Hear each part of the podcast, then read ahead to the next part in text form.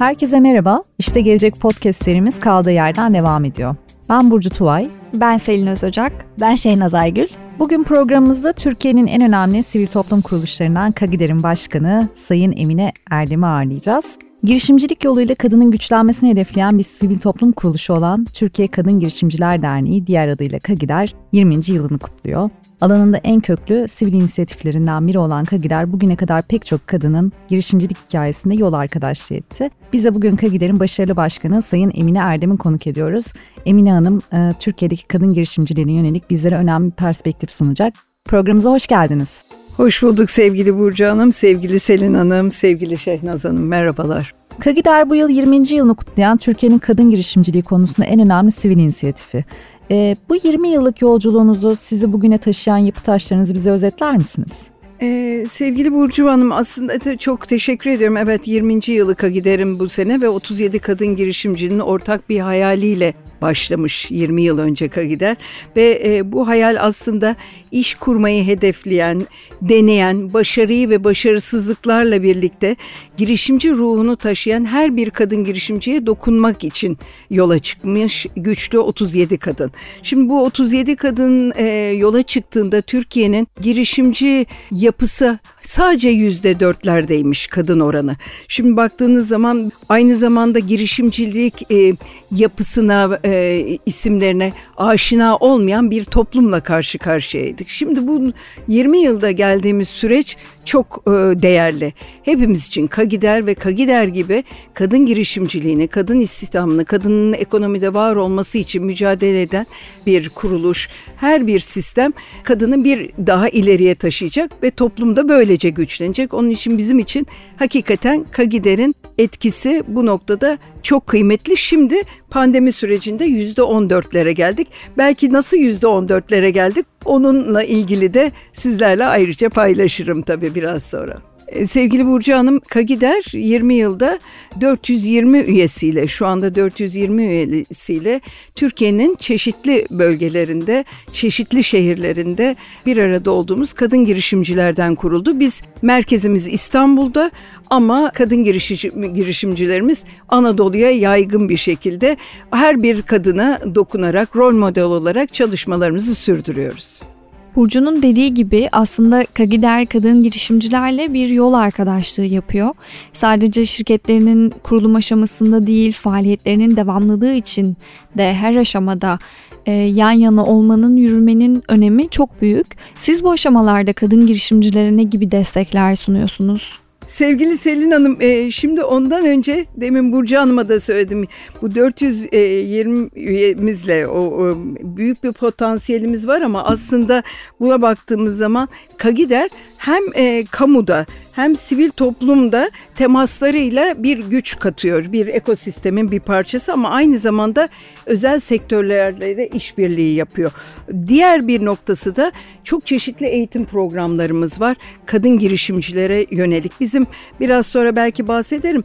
Kadın girişimcilerin farklı fazlarda kadın girişimcilere biz çalışmalarımızı sürdürüyoruz. Bir kere birinci fazımız aslında üniversiteden henüz mezun olmak üzere olan veya mezun olmuş hayata atılan kadınlarla çeşitli çalışmalarımız var. Örneğin Geleceğin Kadın Liderleri ve düşortağım.org gibi portallarla bu genç kadınlara hayat yolculuklarında önlerine takılan çakıl taşlarını bir yerde ayrıştırmaya yarayan bir sistemdeyiz. İkinci faz fazımız özellikle bir hayali olan veya startup seviyesinde olan kadın girişimcileri güçlendirilme programları birazdan ondan bahsederim. Bir de bizler gibi kadın girişimcilerin işlerini geliştirip güçlendirecek ve daha ileriye taşıyabilecek, daha çok ihracat yapmayı, daha çok teşvik almayı noktasında da olan kadın girişimcilere de ayrı eğitimlerimiz var. Yani bu çoklu bir yelpazenin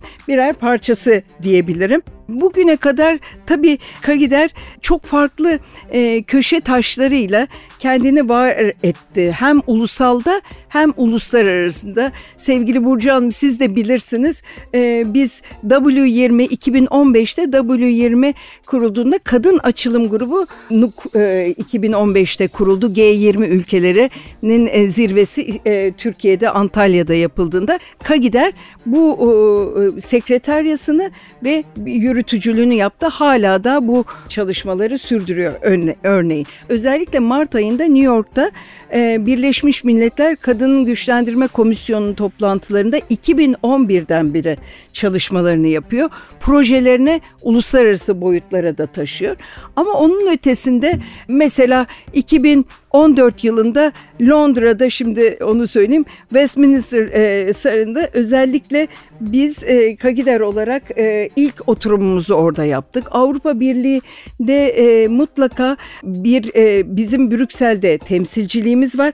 Temsilciliğimizde de özellikle o konuda ilerleme raporlarında ve Avrupa Birliği'nde kadın girişimcilerin, kadınların olması noktasında da hem görüşlerimizi iletiyoruz hem ilerleme raporuna da destekler veriyoruz. Şimdi kadın girişimcilerin aynı zamanda ülke genelinde baktığımız zaman bir motomuz var ve uzun yıllardır da bunu e, söylüyoruz. Kadından almalı, memleket kazanmalı. Ne kadar çok kadından ürün ve hizmet alabilirseniz memlekette, ülkede o kadar kalkınabilecek. Bizim bu konuda bir iş dünyasına kadın iletişim ağı projemiz vardı. Şimdi onu artık farklı bir e, sisteme de dahil ettik. Bir ticaretin kadınları.com portalını yarattık.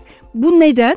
Anadolu'daki her bir kadın girişimciye bireysel veya kadın girişimci derneklerinin de üyelerine aynı zamanda ticari ünvanı olan kooperatiflere açık büyük bir alan sektörel, şehir bazlı birbirleriyle kadınların hem iş yapmalarını güçlendirmeyi hem kamunun hem yerel yönetimlerinde e, ve hem de özel sektörün bu kadınlardan ürün ve hizmet alımı konusunda hassasiyetlerini dile getirmek için. Şimdi biz baktığımız zaman aslında demin de ifade ettim ayağına e, taş değen e, taşları e, itelemek ve e, pes etmemelerini sağlamak, gerçek hayallerinin peşinden koşa, e, koşmaları için, pes etmemeleri için de her türlü mekanizmayı kadın girişimciler için sunuyoruz. Kadınların ekonomiye daha çok katılmasıyla sürdürülebilir kalkınmanın sağlanması için dört strateji oluşturdunuz. Teknoloji, tarım, e, ticaret ve toplum olmak üzere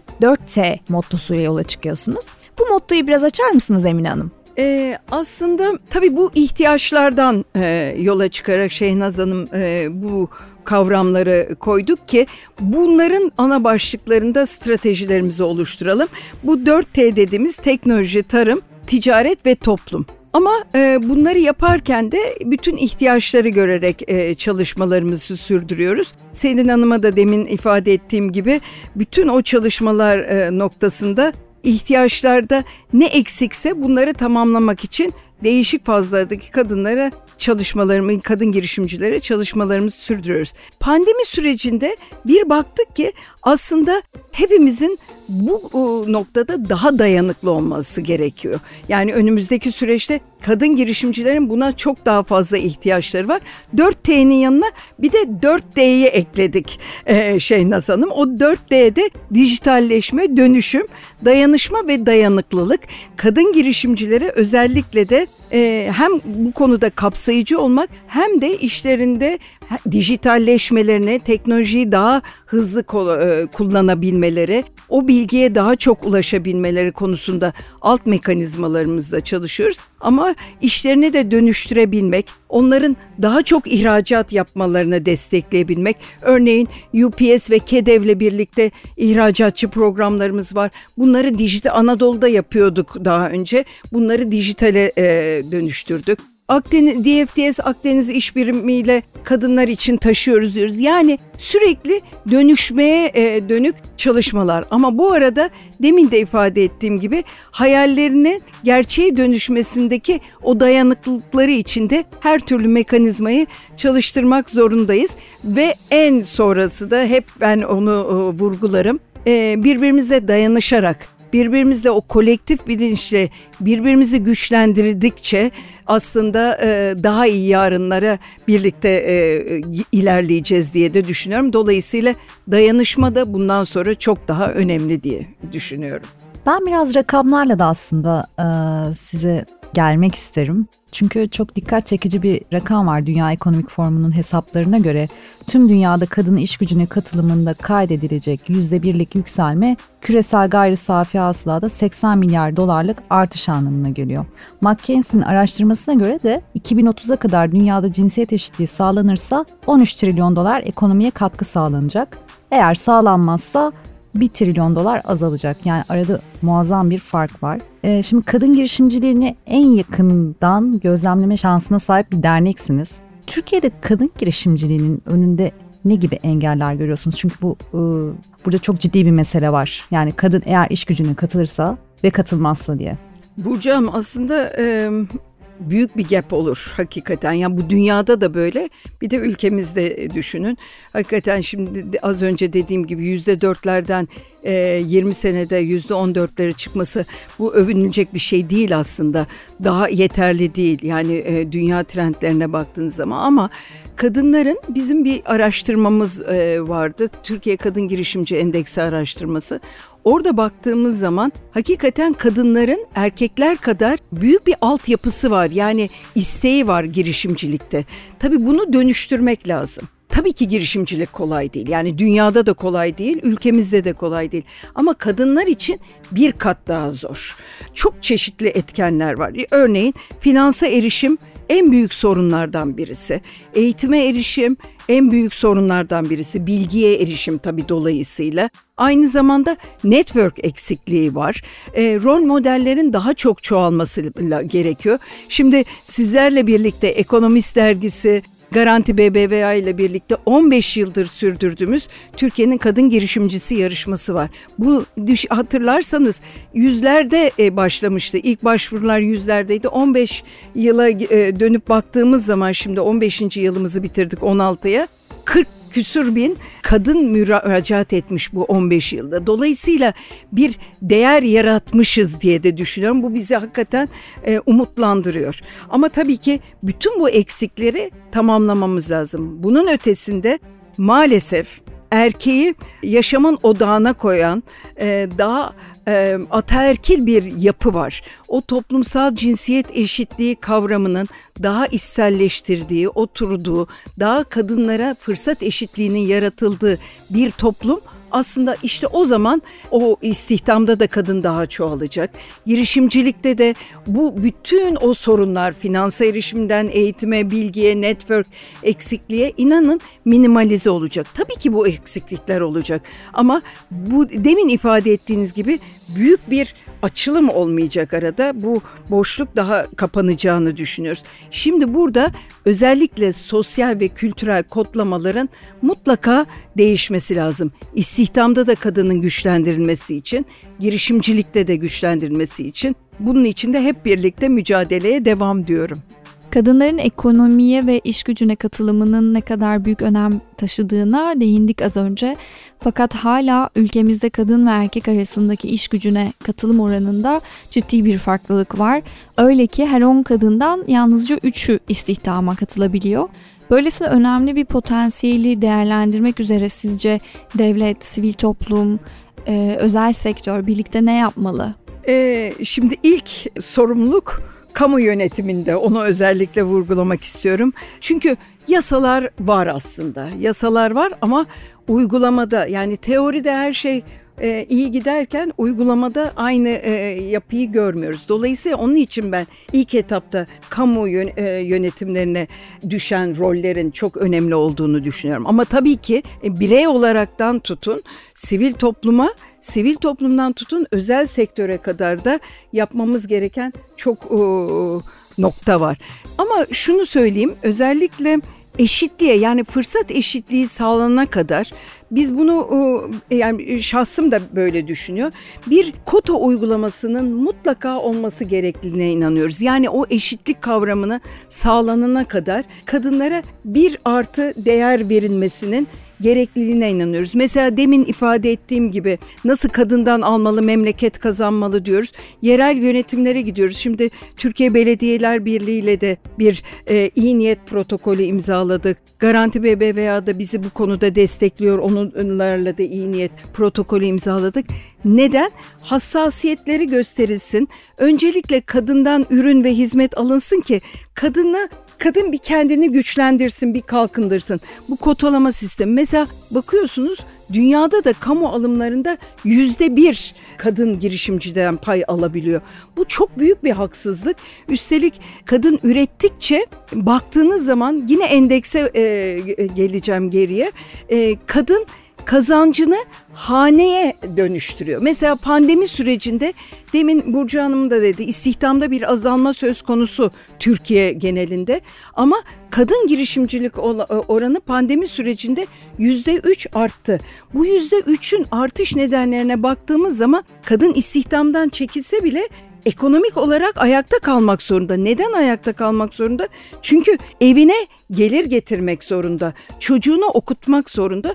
Dolayısıyla bunu dönüştürüyor. Yani yapabileceğinin maksimumunu yapmak için girişimciliğe, küçük startuplarda girişimciliğe, hele şimdi demin de dediğim gibi dijitalleşme ile işte e-ticarete yöneliyorlar. Ve şu anda baktığım zaman daha çok yurt dışına açılım göstermek isteyen startup seviyesinde çok umut vadeden kadın girişimciler var. Dolayısıyla işte o kotalama sistemiyle bir öncelik verip bir kaldıraç gücü kullandığımız zaman kadının yapamayacağı bir şey yok. Yeter ki hani o fırsat eşitliğinin eşdeğerde verilmesi. Az önce ben buraya gelirken bir e, özel sektörden yine e, 40 küsur olduğu sanıyorum özel sektörde tam rakamı e, yanlışlık vermemek için söylemeyeceğim ama fırsat eşitliği modeli sertifikaları var. Özel sektöre veriyoruz. Burada neden? İşe alımlarda, terfilerde, eğitimlerde hatta söylemlerde ve reklamlarında eşitlikçi politikaların özel sektör kendisine entegre edebilmesi için burada gördüğümüz örnekler hakikaten çok umutlandırıyor bizi.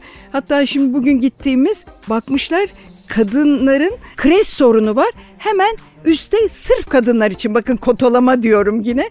Sırf kadınlar onu özellikle de sorduk. Sırf kadınlar için daha küçük nüveli tabii. Çocukları için bir kreş açmışlar. Şimdi demin de dediğimiz gibi bu istihdamda kadınların güçlendirilmesi, daha çok girişimciliğe yönlendirilmesi için ulaşılabilir, erişilebilir, ucuz mutlaka yaşlı ve çocuk bakımı e, yap, mekanizmaların kurulması lazım.